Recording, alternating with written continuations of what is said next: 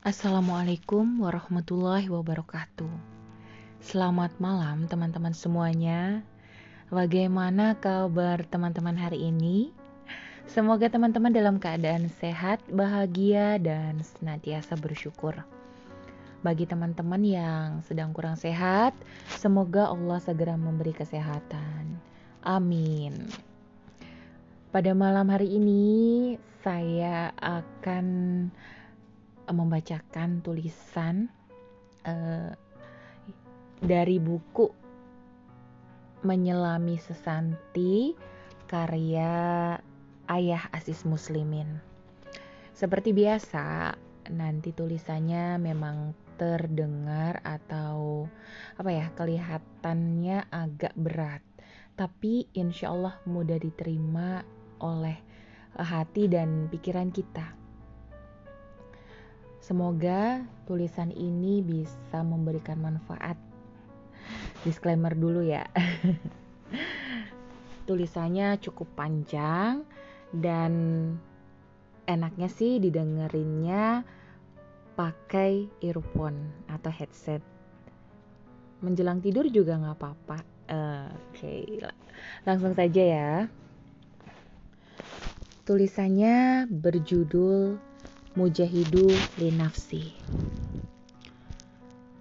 Ada semacam ruang hampa yang kita tafsirkan sebagai ruang bebas bahaya hanya gara-gara kesan kehampaan di dalamnya. Ada orang terpeleset justru karena ia sedang berjalan kepada tanah yang rata. Saya belum pernah melihat di dalam hidup saya bahwa ada orang yang terpeleset atau tersandung oleh truk fuso atau bus pariwisata. Seluruh kasus terpeleset di dunia ini hampir ditentukan oleh kerikil-kerikil yang kecil atau oleh benda-benda yang tidak disangka-sangka kehadiran dan keberadaannya. Itulah sebenarnya bahaya yang sejati di dalam hidup kita ini. Tegasnya adalah kesejatian bahaya yang selalu mengintai di dalam hidup kita adalah bahaya yang tidak muncul di radar kesadaran kita. Maka doa yang favorit saya panjatkan ketika saya sedang gundah gulana terhadap bahaya adalah doa yang sanggup menjaga saya ketika saya tidak mengetahuinya, ketika saya tidak menyadarinya, ketika saya merasa aman dari segala sesuatu. Semua ketergelinciran hidup kita itu pertama-tama dimulai justru dalam naungan rasa aman Misalnya, orang yang menghabiskan waktu dan uang di meja judi.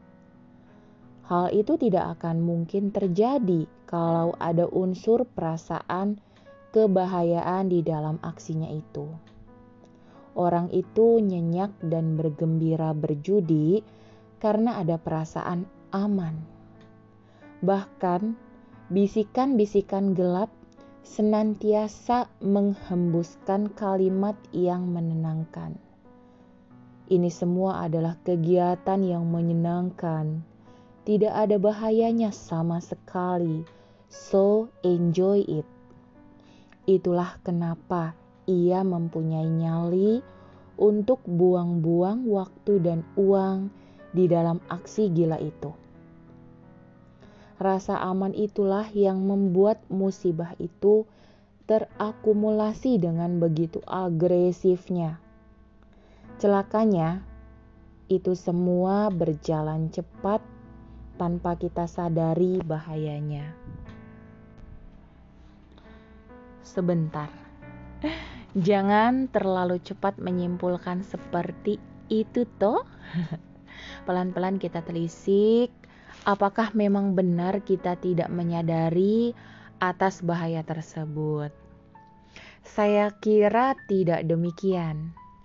Analisa sederhana yang saya ajukan kepada diri adalah setelah rampung etape pertama, yakni etape aman. Walaupun kenyataannya etape tersebut adalah etape aman yang semu. Kita memang uh, ada perasaan aman di situ.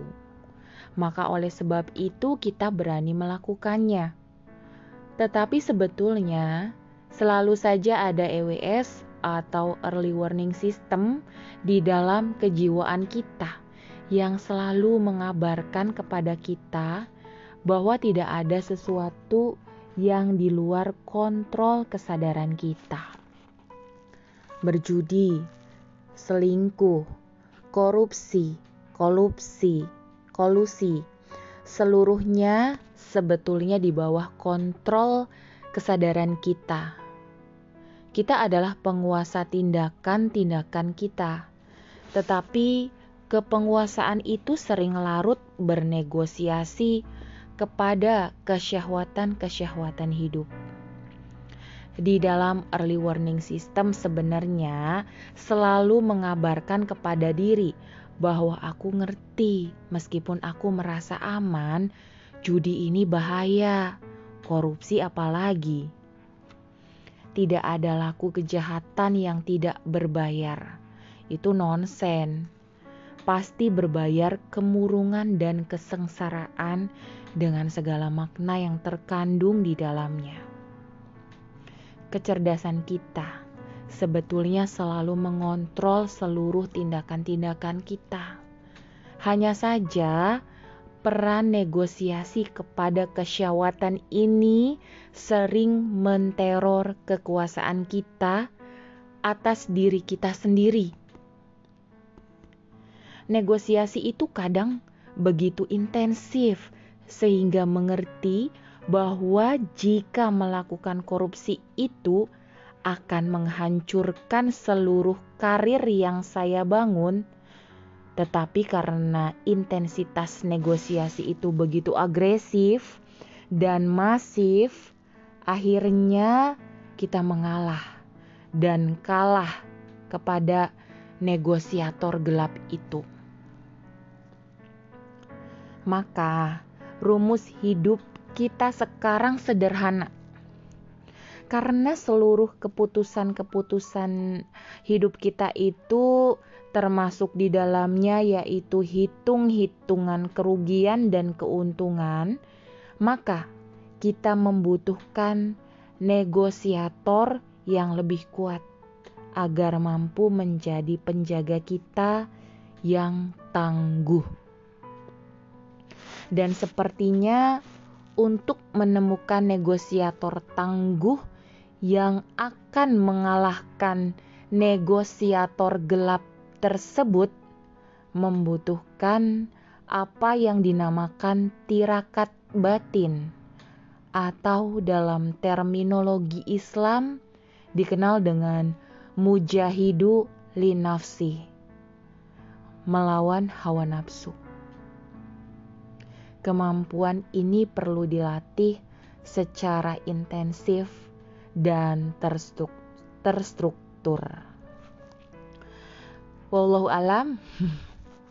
Sampai situ tulisannya benar-benar apa ya? keren, mengagumkan ya. Sering saja kan ada godaan-godaan yang oh ya udah lakukan aja meskipun tahu kalau itu salah. Tapi karena ya kita kalah nggak punya atau nggak berlatih eh, mujahidu linapsi itu maka ya kita akan jadi pecundang. So buat kita semua mari sama-sama belajar untuk berlatih.